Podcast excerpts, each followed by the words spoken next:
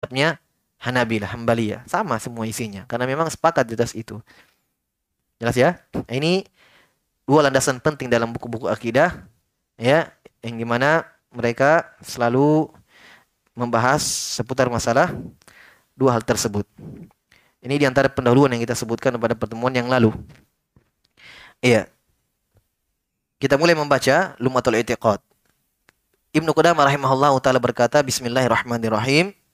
Ya, jadi memulai ya tulisan itu dengan Bismillahirrahmanirrahim. Beliau memulai dengan Bismillahirrahmanirrahim dan itu kita sudah jelaskan juga dalam pembahasan tafsir ya bahwa selalu tulisan kita ya para ulama memulai tulisan mereka dengan Bismillahirrahmanirrahim. Kenapa? Karena mengikuti Al-Qur'an yang pertama. Karena semua surah dalam Al-Qur'an dimulai dengan basmalah kecuali surah At-Taubah. Yang kedua, karena mengikuti sun sunnah Rasulullah sallallahu alaihi wasallam karena dalam tulisan beliau surat menyurat beliau beliau selalu memulai tulisan beliau dengan apa? Bismillahirrahmanirrahim. Seperti dalam hadis beliau mengirim surat kepada Raja Herakl, iya, beliau memulai dengan Bismillahirrahmanirrahim. Demikian pula perjanjian Hudaibiyah ya Ali bin Abi Thalib yang, yang diperintahkan oleh Nabi sallallahu alaihi wasallam untuk menulis perjanjian itu kata Nabi uktubi Ali bismillahirrahmanirrahim tulislah wahai Ali Bismillahirrahmanirrahim. Kemudian isi suratnya. Ya, perjanjian antara kaum mukminin dan kafir Quraisy pada waktu itu untuk tidak saling berperang.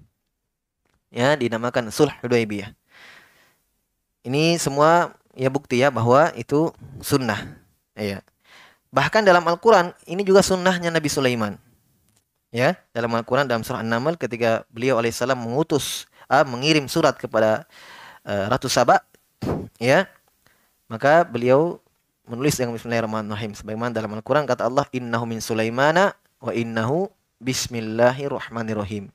Kata Allah surat itu dari Sulaiman isinya Bismillahirrahmanirrahim. Jelas ya? Taib. Di sini juga beliau Ibnu Qudamah rahimahullah taala memulai dengan Bismillahirrahmanirrahim. Ya karena memang dari makna ya Bismillahirrahmanirrahim itu memiliki makna yang sangat dalam Makanya dalam segala pekerjaan-pekerjaan kita dahulukan Bismillahirrahmanirrahim. Ya, dalam sebuah hadis Nabi SAW mengajarkan Ibn Abbas yang masih kecil, Ya gulam, samillah, wahai gulam, wahai anak kecil, sebutlah nama Allah, Bismillah, sebelum kamu makan. Wakul biyaminik, makanlah dengan tangan kananmu. Wakul fi mayalik, makanlah yang terdekatmu dulu. Jelas ya, diperintahkan mengucapkan bismillah. Nah, hanya kita bedakan ya. Kalau bismillahirrahmanirrahim itu ya basmalah. Ini bahasanya ya, ingat. Kalau bismillahirrahmanirrahim ada ar-rahman dan ar-rahimnya namanya basmalah.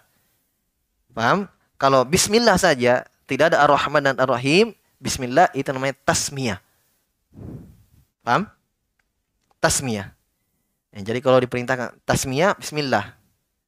Ya. Kalau basmalah bismillahirrahmanirrahim. Kalau makan diperintah oleh Nabi samillah tasmiyah. Bismillah. Makanya sebagian ulama ada pendapat bahwa kalau bismillahirrahmanirrahim itu bid'ah. Seperti Syekh Al-Bani rahimahullah berpendapat bahwa yang disyariatkan adalah bismillah. Karena Nabi perintahkan samillah, sebutlah nama Allah. Berarti at-tasmiyah. Jelas? At-tasmiyah itu bismillah. Jelas ya?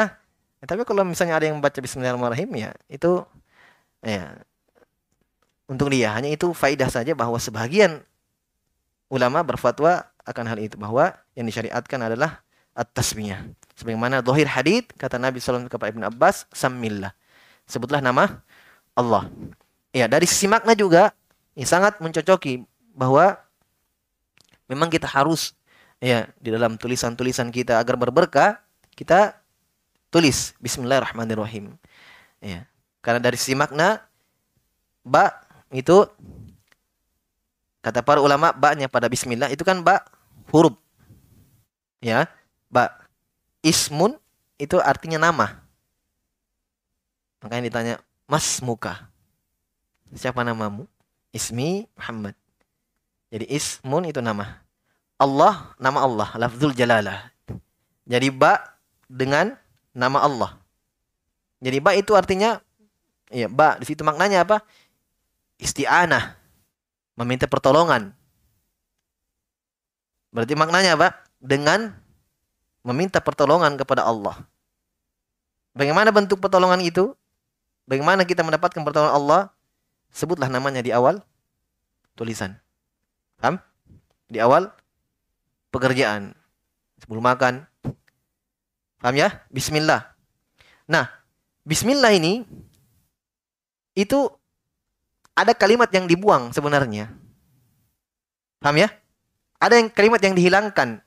Contoh, kita diperintahkan oleh Nabi SAW untuk mengucapkan Bismillah sebelum kita minum, ya kan? Sebelum kita makan, Bismillah. Ya. Sekarang kan ada kalimat yang dihilangkan, Bismillahi ashrobu. Kalau saya minum, dengan menyebut nama Allah, saya minum. Tapi kan ini dihilangkan. Makanya bismillah cocok untuk segala keadaan. Kalau kita makan, bismillah. Apa kalimat yang dihilangkan? Bismillah akulu. Dengan nama Allah saya makan. Ya kan? Hanya dihilangkan. Sudah sudah paham kita. Angkat barang berat. Bismillah. Untuk apa bismillah? Dengan nama Allah saya angkat ini. Ditolong oleh Allah. Nah, minum juga seperti itu. Ya. Makanya ulama berselisih yang dibuang ini, kalimat yang dibuang ini, kata yang dibuang, di mana tempatnya? Di depan atau di belakang? Paham? Di depan bismillah atau di belakang bismillah? Berarti kalau yang berpendapat di depan berarti akulu saya makan bismillah. Saya makan dengan nama Allah. Itu bagi ulama yang berpendapat bahwa yang dibuang itu di depan. Paham? Kalau yang di belakang ber berarti bismillah dengan menyebut nama Allah saya mah makan. Dua-duanya boleh. Dua-duanya bisa. Tapi afdolnya ya ulama yang berpendapat bahwa yang dibuang ini di belakang setelah bismillah. Ini lebih afdol. Kenapa? Karena langsung nama Allah yang, yang teringat, langsung nama Allah yang tersebut ketika disebutkan. Bismillah saya minum. Jelas? Tapi tidak berubah makna kalau kita katakan di depan itu pekerjaannya. Saya minum, bismillah. Saya makan, bismillah. Jelas ya? Dari si makna bahwa bismillah dengan nama Allah banyak isti'anah. Berarti kita meminta pertolongan dalam segala eh, urusan kita. Meminta pertolongan kepada Allah agar Allah berkahi, agar Allah mudahkan. Eh, karena memang banyak itu isti'anah untuk meminta pertolongan kepada Allah Subhanahu wa taala. Adapun nama Allah digandengkan di situ Bismillahirrahmanirrahim, Ar-Rahman yang Maha merahmati, Ar-Rahim juga yang Maha merahmati. Sebab pecahan dua nama ini Ar-Rahman dan Ar-Rahim pecahannya sama dari kata rahmat. Jelas ya? Dari kata rahmat. Hanya dua nama ini memiliki kekhususan makna. Asalnya sama. Nah, makanya bahasa Indonesia diterjemahkan pengasih penyayang. Kan kasih sayang itu sama maknanya. Nah, memang ada perbedaan dari sisi makna. Itu secara umum dari asal pecahannya kata rahmat. Tapi dua nama ini perbedaannya dari sisi apa? Ini kan dua nama Allah ini. Jelas ya?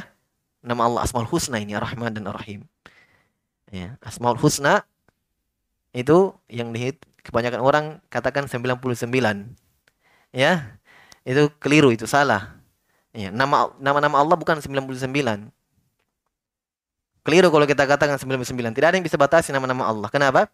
Karena dalam hadith ketika Nabi meminta dengan nama-nama Allah dalam doa Nabi SAW kata beliau as'aluka bikullismin huwalaka ya Allah saya meminta kepadamu dengan seluruh nama-namamu semuanya jelas kemudian di akhir di akhir doanya kata Nabi SAW saya minta dengan seluruh nama-namamu kata Nabi awi istatharta fi ilmil ghaib indak dan dengan namamu yang kamu simpan dalam ilmu gaibmu.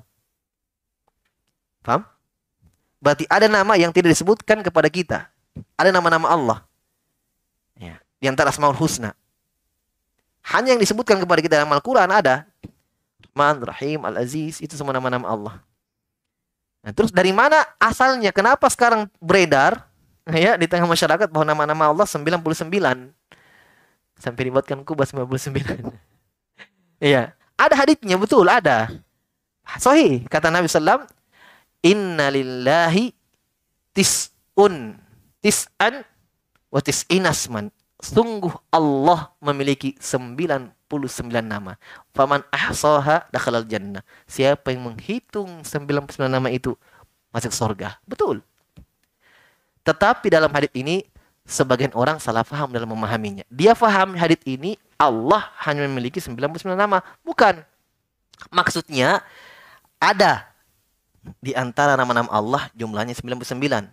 Siapa yang menghitung 99 ini, menghitung maksudnya apa? Dia hitung dan dia fahami maknanya. Jelas ya? Dia sebutkan namanya, dia fahami maknanya dan dia lakukan konsekuensi dari nama itu. Sebab nama-nama Allah ada konsekuensi dalam kehidupan kita. Seperti misalnya kita mengenal nama Allah Al-Basir yang Maha melihat. Ya kan? Allah Maha melihat. Apa konsekuensinya? Jangan maksiat. Ya kan?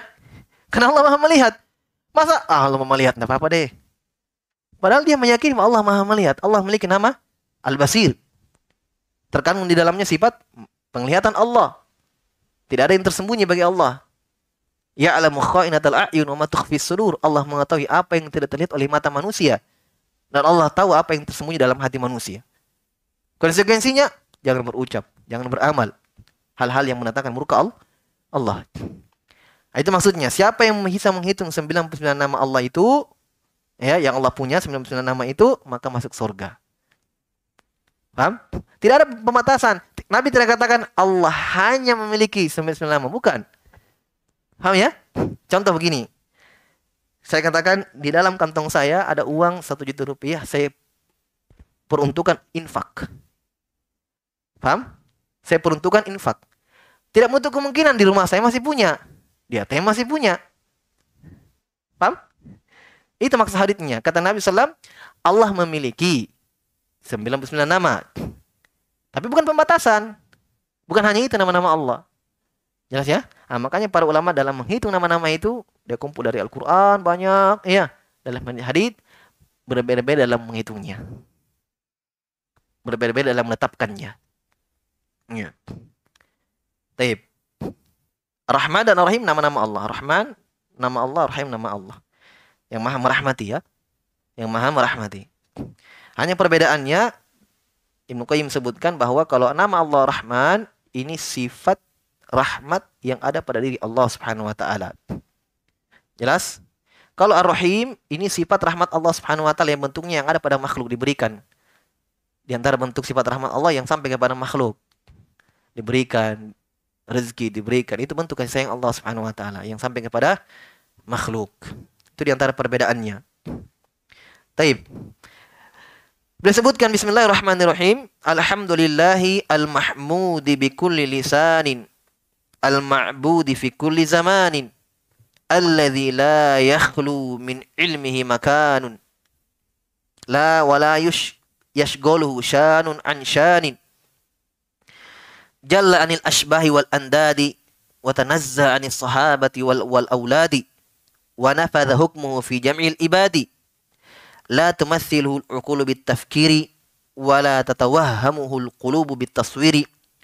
ليس كمثله شيء وهو السميع البصير. له الأسماء الحسنى وصفات العلى الرحمن على الأرش استوى. له ما في السماوات وما في الأرض وما بينهما وما تحت الثرى. وإن تجهر بالقول فإنه يعلم السر وأخفى. Ahata bi kulli syai'in ilma wa qahara kulla makhluqin izzatan wa hukma wa wasi'a kulla syai'in rahmatan wa ilma. Ya'lamu ma baina aydihim wa ma khalfahum wa la yuhituna bihi ilma. Mausufun bima wasaba bihi nafsahu fi kitabil azim wa ala lisani nabihil karim. Ini namanya khutbatul hajah. Khutbah. Ya. Jelas ya? Nabi kalau sebelum berkhutbah ada pendahuluan tidak mungkin langsung. Ya Takutlah kepada Allah, bukan. Selalu ada pendahuluannya. Nah, ini namanya muqaddimah. Paham ya? Se jadi sebelum beliau sebutkan akidah ahli sunnah di antara akidah ahli sunnah, ada pendahuluan dulu. Ya. Bahkan Nabi kalau sebelum menceramai sahabat, ya, memberikan nasihat kepada sahabat, itu beliau buka. Alhamdulillah. Amma ba'd. Langsung diberikan wasiat. Itu kebiasaan. Ya, jadi salaf juga mengikuti. Para sahabat mengikuti Nabi SAW sebelum beliau sebutkan isinya. Ya, ini pendahuluannya. Kata beliau, segala puji hanya milik Allah. Alhamdulillah. Segala puji hanya milik Allah yang dipuji dengan seluruh lisan. Ya. Yang Allah itu dipuji dengan seluruh lisan. Ya. Seluruh lisan. Eropa, bangsa ini, bangsa itu, ya, Asia, semuanya memuji Allah Subhanahu wa taala. Mereka yang memuji Allah Subhanahu wa taala, ya, bukan cuma orang Arab, semua lisan. Jelas ya? Allah dipuji dengan seluruh lisan. Ya, itu di antara maknanya. Makna kedua, Allah dipuji dengan seluruh lisan. Lisan itu ada dua maknanya. Ada lisanul maqal. Lisan maqal itu yang kita ini pakai bicara. Ini lisan makol namanya. Ada lisanul hal. Lisanul hal keadaan. Contoh, ada orang lapar. Ya, belum makan. Dia katakan, saya lapar belum makan. Kita katakan ini dia mengatakan dia lapar, kita tahu dia lapar karena dia ucapkan dengan lisan makolnya. Saya lapar belum makan dua hari. Jelas? Kadang kita tahu orang dia lapar bukan dengan lisan makolnya, dengan lisanul halnya keadaannya. Ya, lemas, pegang-pegang perutnya, pucat, eh belum makan ini. Dari mana kita tahu? Lisanul hal. Paham? Keadaan. Nah, Allah dipuji dengan seluruh lisan, lisanul maqal dan lisanul hal. Paham? Manusia memuji Allah dengan lisanul maqalnya. Alhamdulillah. Iya. Alhamdulillah bini'mati musalihat. Pujian untuk Allah dengan lisan maqal. Dengan lisanul hal juga iya. Lisanul hal maksudnya apa?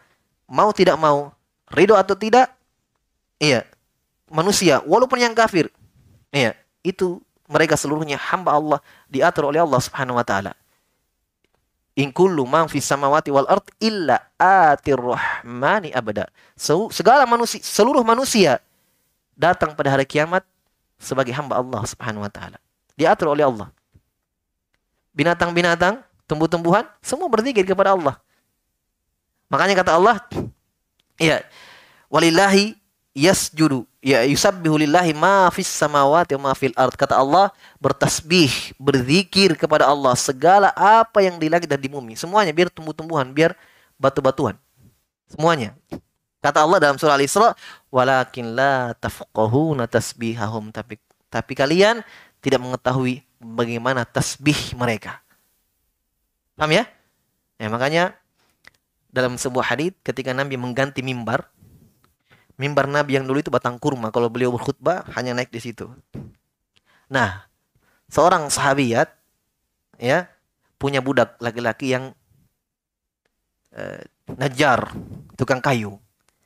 Ditawarkan oleh Nabi ya Rasulullah, ini budak saya tukang kayu.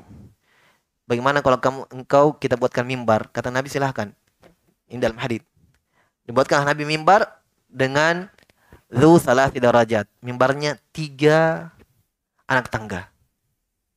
Jelas? Ketika beliau berkhutbah pertama kali dengan mimbar yang baru, ya kata Nabi sami'tu anin.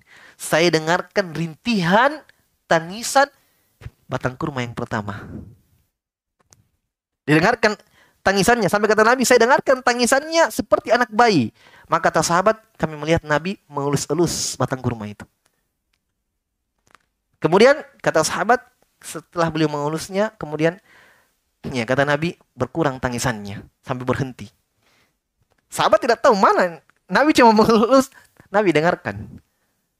Ya, perhatikan, mereka juga apa? Seperti itu. Ya. Berzikir kepada Allah Subhanahu wa taala. Jelas ya? Ya. Demikian pula pernah ada makanan ya yang tidak dimakan oleh Nabi wasallam. Ya, kata Nabi saya dengarkan zikirnya. Saya dengarkan dia berzikir kepada Allah Subhanahu wa taala. Jadi semua berzikir kepada Allah Subhanahu wa taala dengan lisan halnya, keadaannya. Jelas ya? Berzikir kepada Allah Subhanahu wa taala. Ini yang beliau maksud. Di antara makna yang beliau maksud. Jadi kata beliau rahimahullah segala puji milik Allah Subhanahu wa taala ya yang dipuji dengan seluruh lisan. Luar biasa ya kalimat alhamdulillah saja ini luar biasa maknanya. Ya. Jadi alhamdu kan alif lamnya ada ya.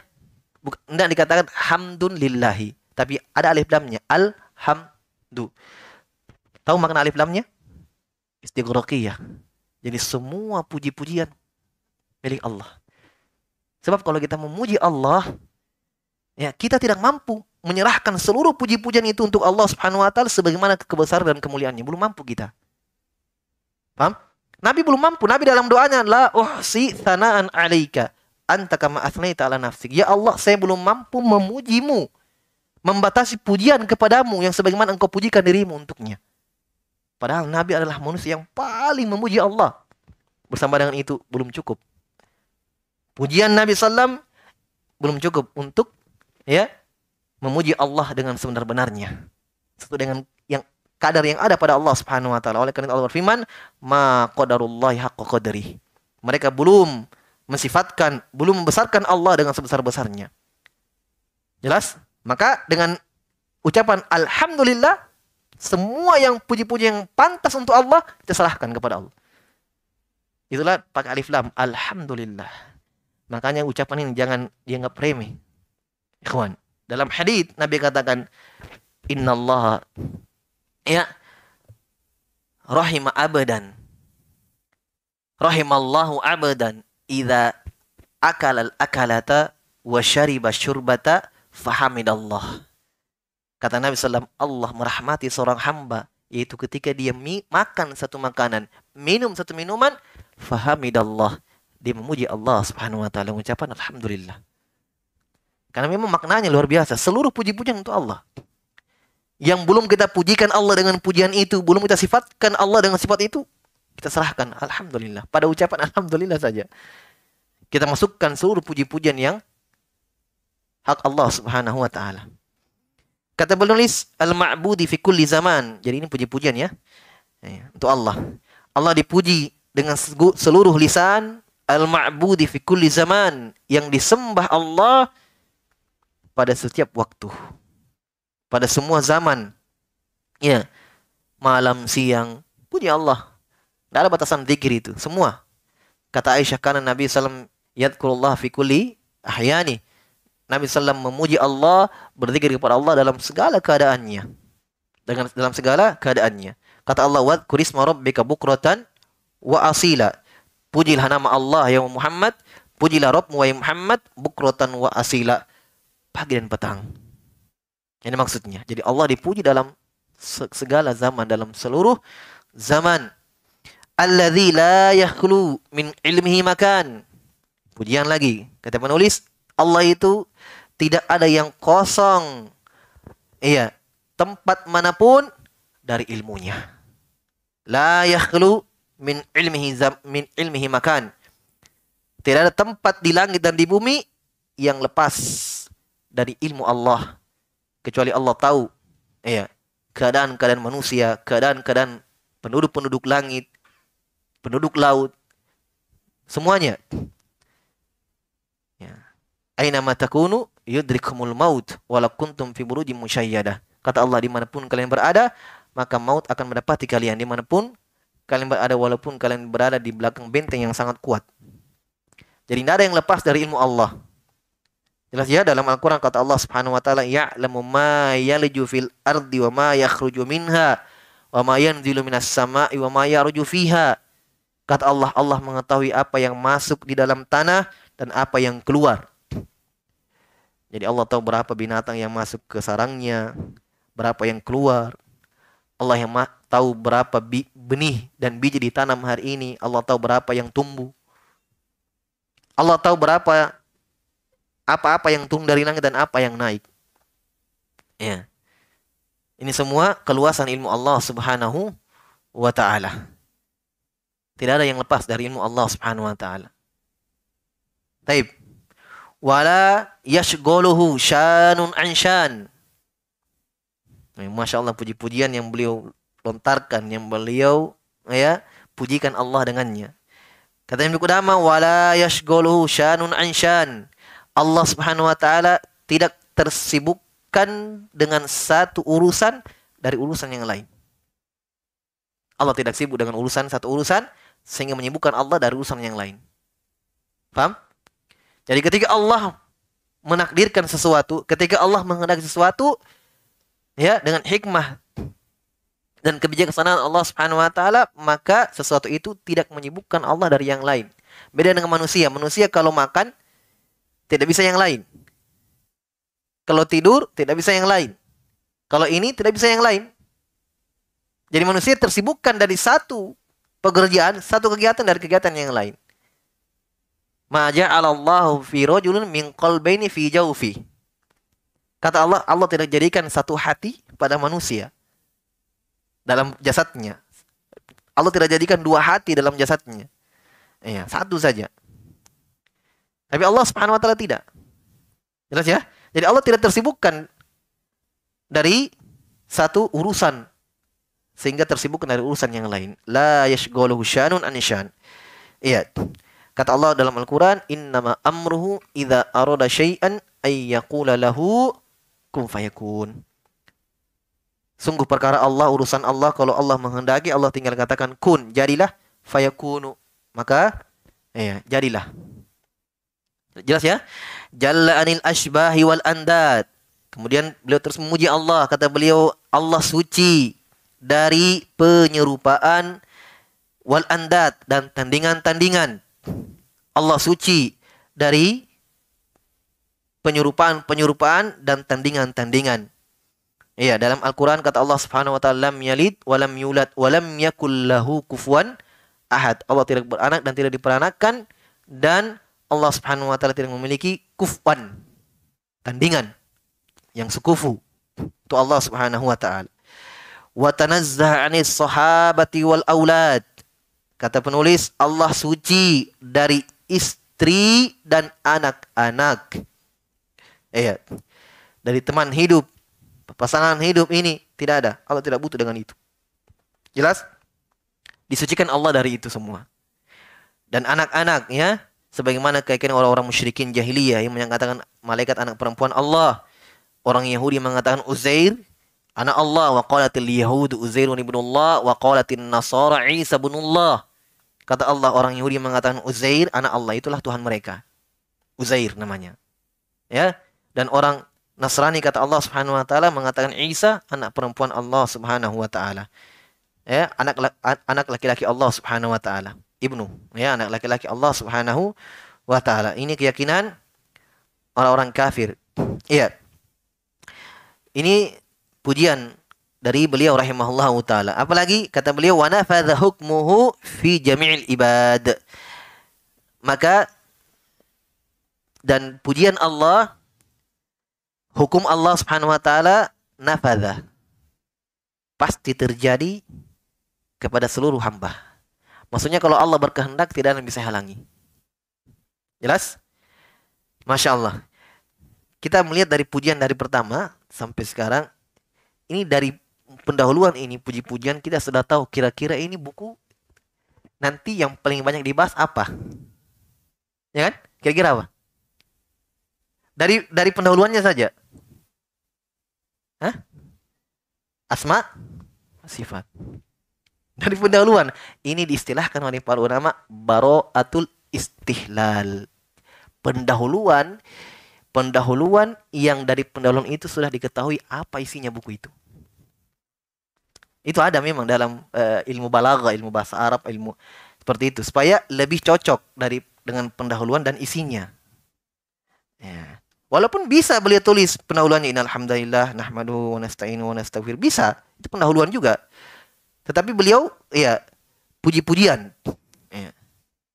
Puji-pujian sebab memang dalam khutbah atau dalam tulis menulis surat menyurat itu yang disyariatkan hanya puji-pujian kepada Allah, selawat kepada Nabi sallallahu Bagaimana bentuk pujiannya? Tidak harus dengan innal hamdalillah nahmadu wa nasta'in tidak harus. Ya. Jelas ya? Yang jelas memuji Allah di situ ya. dan bersalawat kepada Nabi sallallahu alaihi wasallam itu untuk berkhutbah. Untuk berkhutbah. Taib. Kemudian kata beliau rahimahullah, jadi hukum Allah pasti terjadi kepada makhluk. Pasti. Iya. Tidak ada yang bisa menghalangi hukum Allah ketentuan dan ketentuannya. La mu'aqqiba hukmihi wa huwa sari'ul hisab. Kata Allah tidak ada yang tidak ada yang bisa menghalangi tidak ada yang bisa membatalkan hukum Allah Subhanahu wa taala. Kemudian kata penulis la tumatsiluhul uqulu bitafkir wa la tatawahhamuhul qulubu bitaswir. Kata penulis Allah Subhanahu wa taala itu tidak bisa diserupakan dengan akal-akal manusia dengan memikirkannya. Paham? Jadi manusia, kata penulis, walaupun ingin menyamakan Allah dengan apa pun yang dia inginkan dalam pikirannya, oh, Allah kayaknya begini, Allah kayaknya begini, begini, begini, tidak bisa. Kenapa? Kenapa? Karena Allah tidak pernah dilihat. Ya kan? Kan kalau kita mau samakan sesuatu dengan yang lain, pasti kita pernah lihat sesuatu itu supaya kita bisa tahu samanya. Nah ini dari pernah melihat Allah. Bagaimana dia mau samakan dengan manusia? Bagaimana dia mau samakan dengan makhluk? Jelas? Ya, makanya berbicara menyebutkan batasan bentuk tangan Allah, wajah Allah, sifat-sifatnya itu adalah dosa besar taqawul Allah, berucap atas nama Allah tanpa ilmu. Jelas? Kenapa? Nah, ini ilmu penting. Karena menyebutkan hakikat sesuatu itu dengan tiga jalur ilmu. Perhatikan ini, dengan tiga jalur ilmu. Saya ditanya misalnya, bagaimana mejanya musola Arayu? Mejanya. Maka saya bisa jawab pertanyaan ini dengan tiga jalur ilmu. Pertama, saya pernah lihat. Jadi ketika saya ditanya, saya bisa jawab mejanya seperti ini karena saya pernah lihat. Paham? Kedua, saya tidak pernah lihat meja ini, tetapi saya pernah lihat yang sama dengan ini. Jelas? Ketiga, saya tidak pernah lihat mejanya dan saya tidak pernah lihat yang sama dengannya, tapi ada orang jujur yang saya percayai yang pernah lihat dan dia kabarkan kepada saya begini mejanya, begini bentuknya. Maka saya bisa jawab pertanyaan itu. Paham? Nah, tiga jalur ilmu ini tertutup pada sifat-sifat Allah. Paham? Tertutup. Tidak ada yang pernah melihat tangan Allah bagaimana? Wajahnya. Tidak ada yang pernah melihat itu. Jelas ya? Tidak ada pernah lihat samanya, apalagi samanya. Tidak ada juga dalam Al-Quran bentuk tangannya, ukurannya bagaimana. Dan dalam sunnah tidak ada. Maka tutup semua. Kewajiban kita hanya mengimani sebagaimana yang datang dalam Al-Quran dan sunnah Nabi Sallallahu Alaihi Wasallam. Tidak boleh bertanya bagaimana bentuknya. Jelas ya? Nabi ketika dibacakan Al-Quran oleh Jibril dan dalam Al-Quran itu di antara apa-apa yang ada dalam Al-Quran adalah sifat-sifat Allah. Tidak pernah Nabi bertanya kepada Jibril, Jibril tunggu. Tangan Allah ini bagaimana bentuknya? Tidak pernah. Sahabat dibacakan oleh Nabi. Kata Ibnu Mas'ud, satu ayat pun tidak ada yang kami pelajari kepada Nabi kecuali kami pasti tahu maknanya. Di mana dia turun ayatnya, untuk siapa dia turun? Kata Ibnu Mas'ud. Bersama dengan itu, tidak ada pertanyaan mereka, Ya Rasulullah, tangan Allah bagaimana? Tidak ada. Kita juga seperti itu. Kita hanya mengimani dalam Al-Quran, Allah memiliki tangan, punya. Bentuknya, wallahu alam. Selesai. Begitu keimanan kita kepada sifat-sifat Allah. Semuanya, terapkan semua, bukan cuma tangan, wajah, pendengaran, penglihatan. Ah, di sinilah letak kenapa ada orang yang tidak mau yang tidak mau mensifatkan Allah dengan sifat-sifat tersebut. Kenapa? Satu alasannya. Dan ini semua orang-orang yang menolak menolak sifat-sifat Allah sama syubhat yang ada di kepalanya. Kenapa? Karena apa yang mereka lihat pada makhluk, kalau mereka lihat juga ada pada Allah, mereka tolak. Makanya tangan nggak boleh. Kenapa? Kita punya tangan. Wajah dalam Al-Quran. Wih, nggak boleh. Kita punya wajah. Jadi semua. Sampai ada yang katakan, nggak boleh kita kata Allah di atas. Nanti sama dengan lampu. Ya kan? Berarti kan? Dia tidak mau sifatkan Allah dengan sifat-sifat yang Allah sifatkan untuk dirinya dalam Al-Quran dan dalam hadith. Kalau mereka lihat ada pada makhluk. Semua. Nah, makanya mereka tidak mau. Jelas ya? Bantahannya sebenarnya sama. Gak mudah sekali. Mereka ini sudah keluar dari akal yang sehat. Kenapa? Karena mereka mampu memahami pada makhluk saja sama namanya tapi beda hakikatnya. Kenapa pada Allah mereka tidak mampu memahami itu? Ayam punya kaki, gajah punya kaki, sama-sama kaki. Bentuknya beda. Paham? Kenapa pada Allah mereka tidak mampu memahami? Allah punya tangan dalam Al-Quran, iya. Kita juga punya tangan. Beda. Bentuknya. Tangan Allah sesuai dengan kebesaran dan kemuliaan dia. Manusia sesuai dengan kekurangannya. Mereka tolak dengan alasan nanti sama pada makhluk. Sementara Allah larang kita, kata mereka, larang kita untuk menyamakan dengan makhluk. Ya subhanallah, kamu tetapkan saja, jangan kamu serupakan, kan selesai. Sebagaimana yang kamu mampu memahami pada makhluk yang kamu lihat. Jangan, tidak usah binatang, kita pun manusia berbeda-beda. Anak bayi punya tangan, orang dewasa punya tangan. Sama-sama tangan. Sama bentuknya?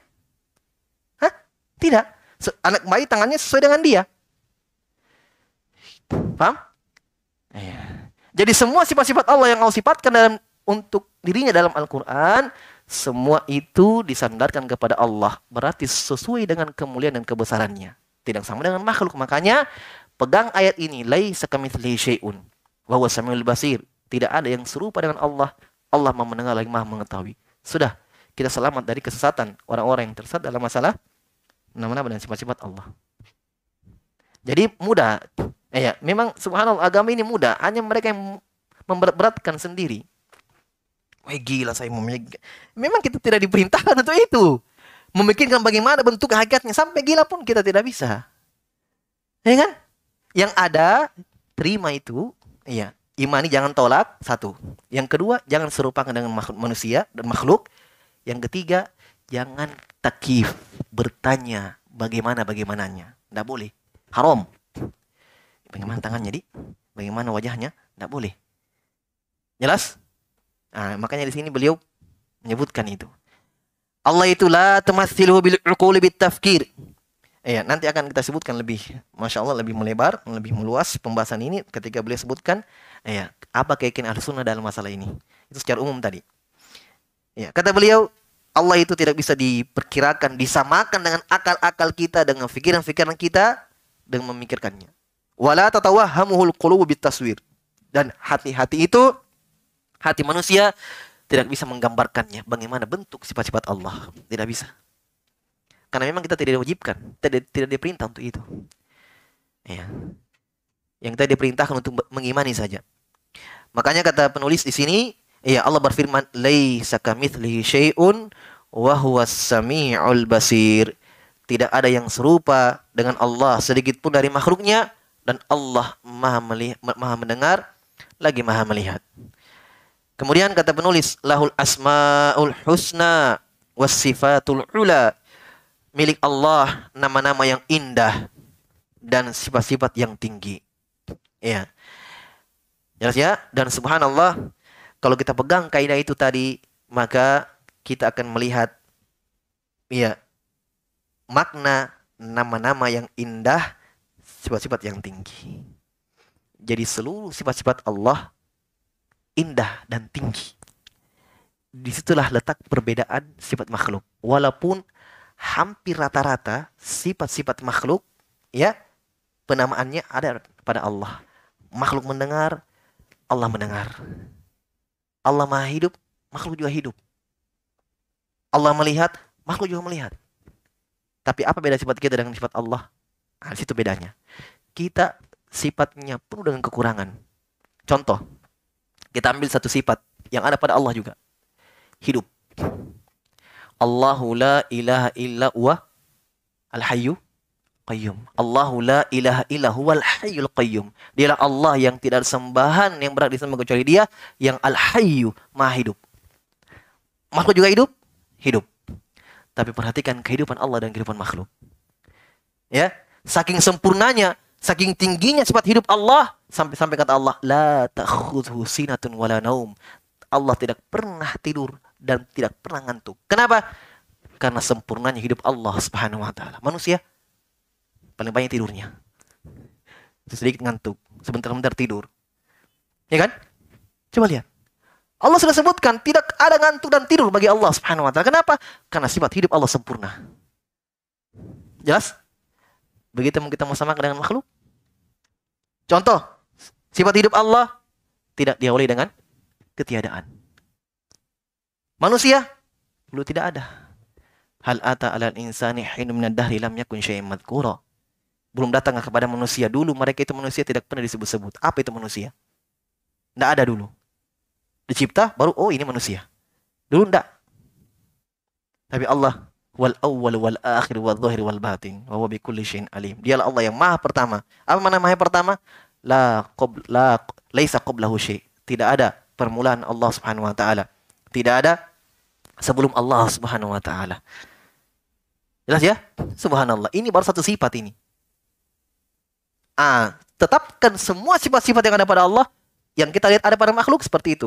Jauh perbedaannya, tidak bisa dibandingkan bagaimana perbedaannya. Tangannya, wajahnya, pendengarannya, penglihatannya beda pada makhluk. Makhluk itu hina. Itu pun pendengarannya siapa yang beri? Makhluk siapa yang beri? Allah Rabbul Alamin. Pendengarannya Allah yang beli. Allah yang berikan mereka. Jelas ya? Ilmu. Oh iya, ada orang berilmu. Ulama orang berilmu ya.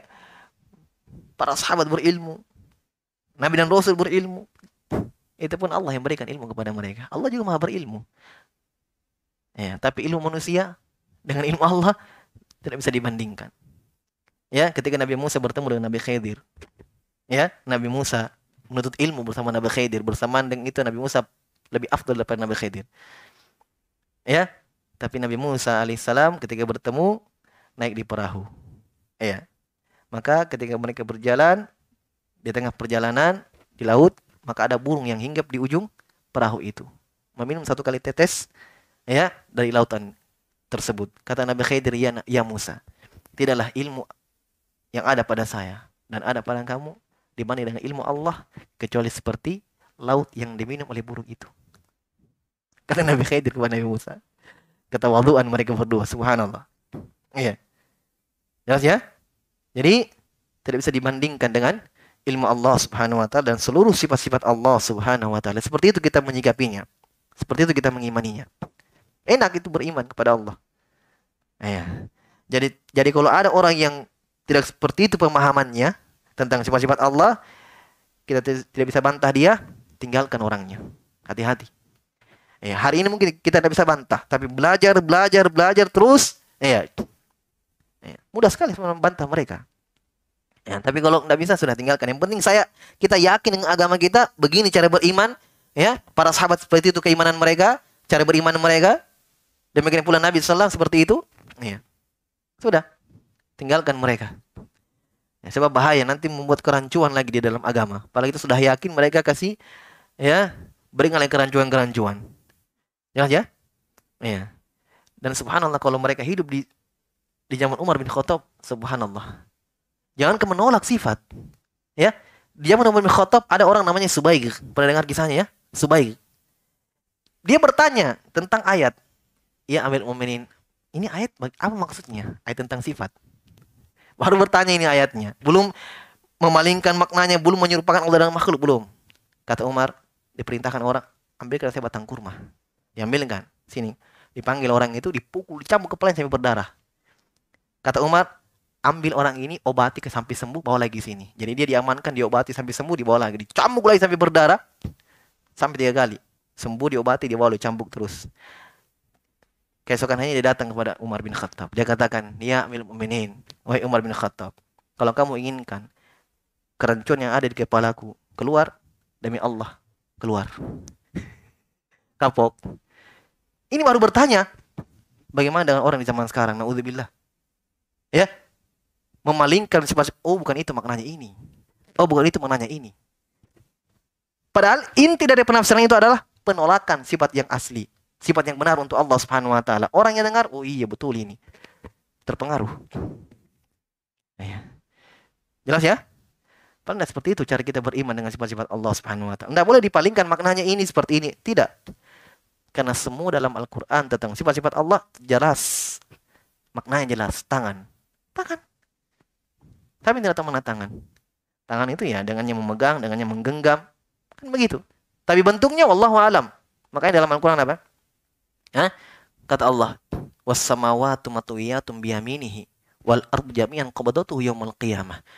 Allah genggam langit dengan tangan kanannya, ya. Allah genggam langit lipat lagi dengan tangannya dan Allah genggam ya bumi itu dengan tangan kanannya. Berarti apa? Tangan dalam Al-Qur'an berarti tangan apa? Tangan haki? Hakiki. Kan ada lapat menggenggam, melipat. Itu apa itu? Kalau bukan tangan. Dalam hadis ada penyebutan jari-jari.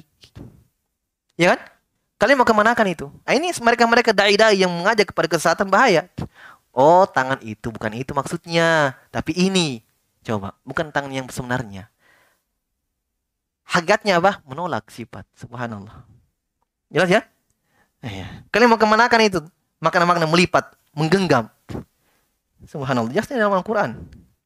Iya. Ini tertutup ya. Hidayah tertutup dari hati sebagian orang. Kemudian kata beliau rahimahullah ta'ala Allah berfirman.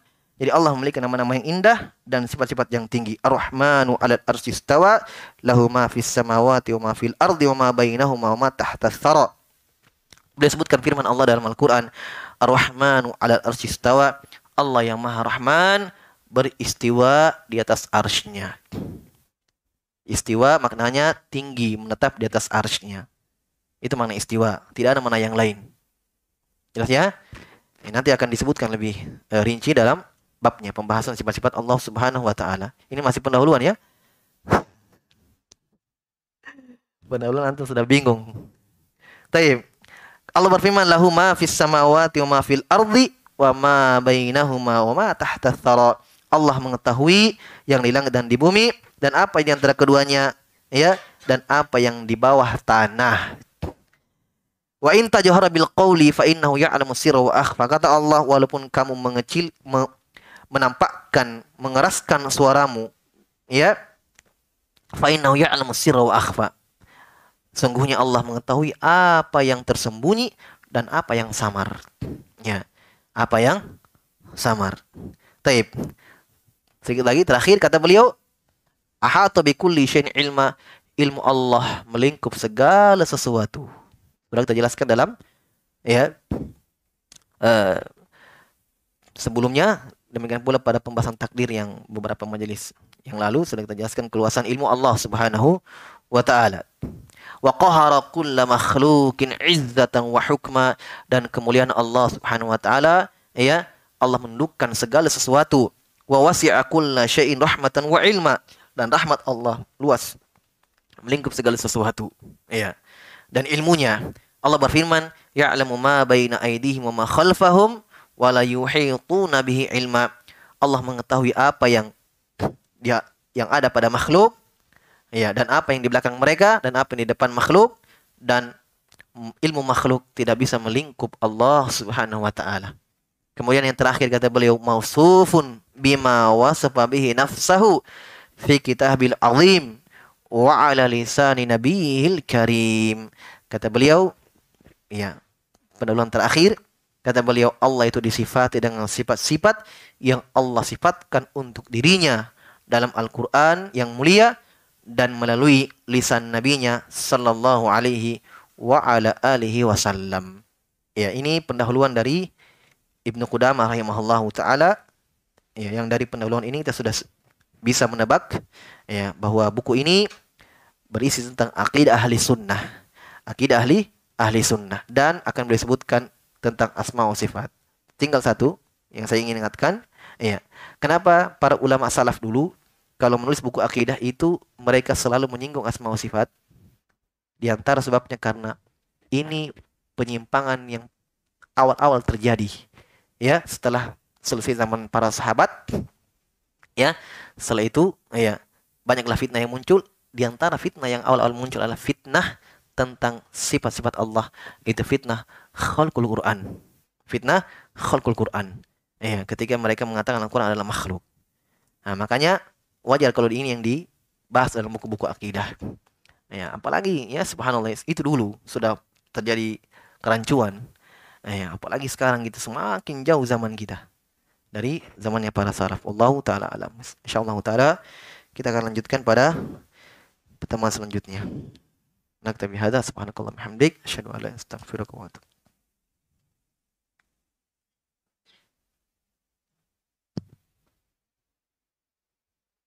Allah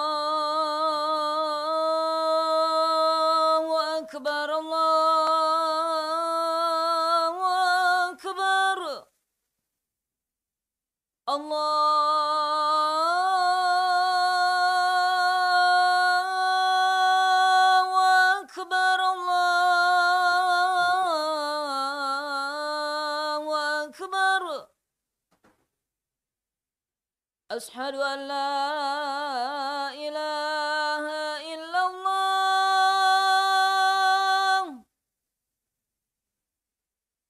أشهد أن لا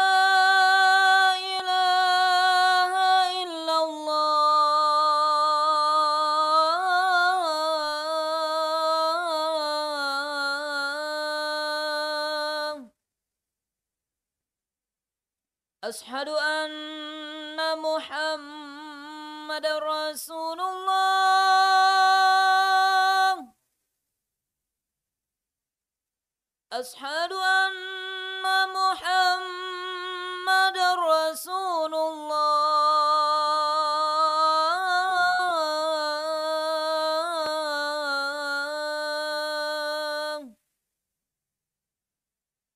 حي على الصلاة.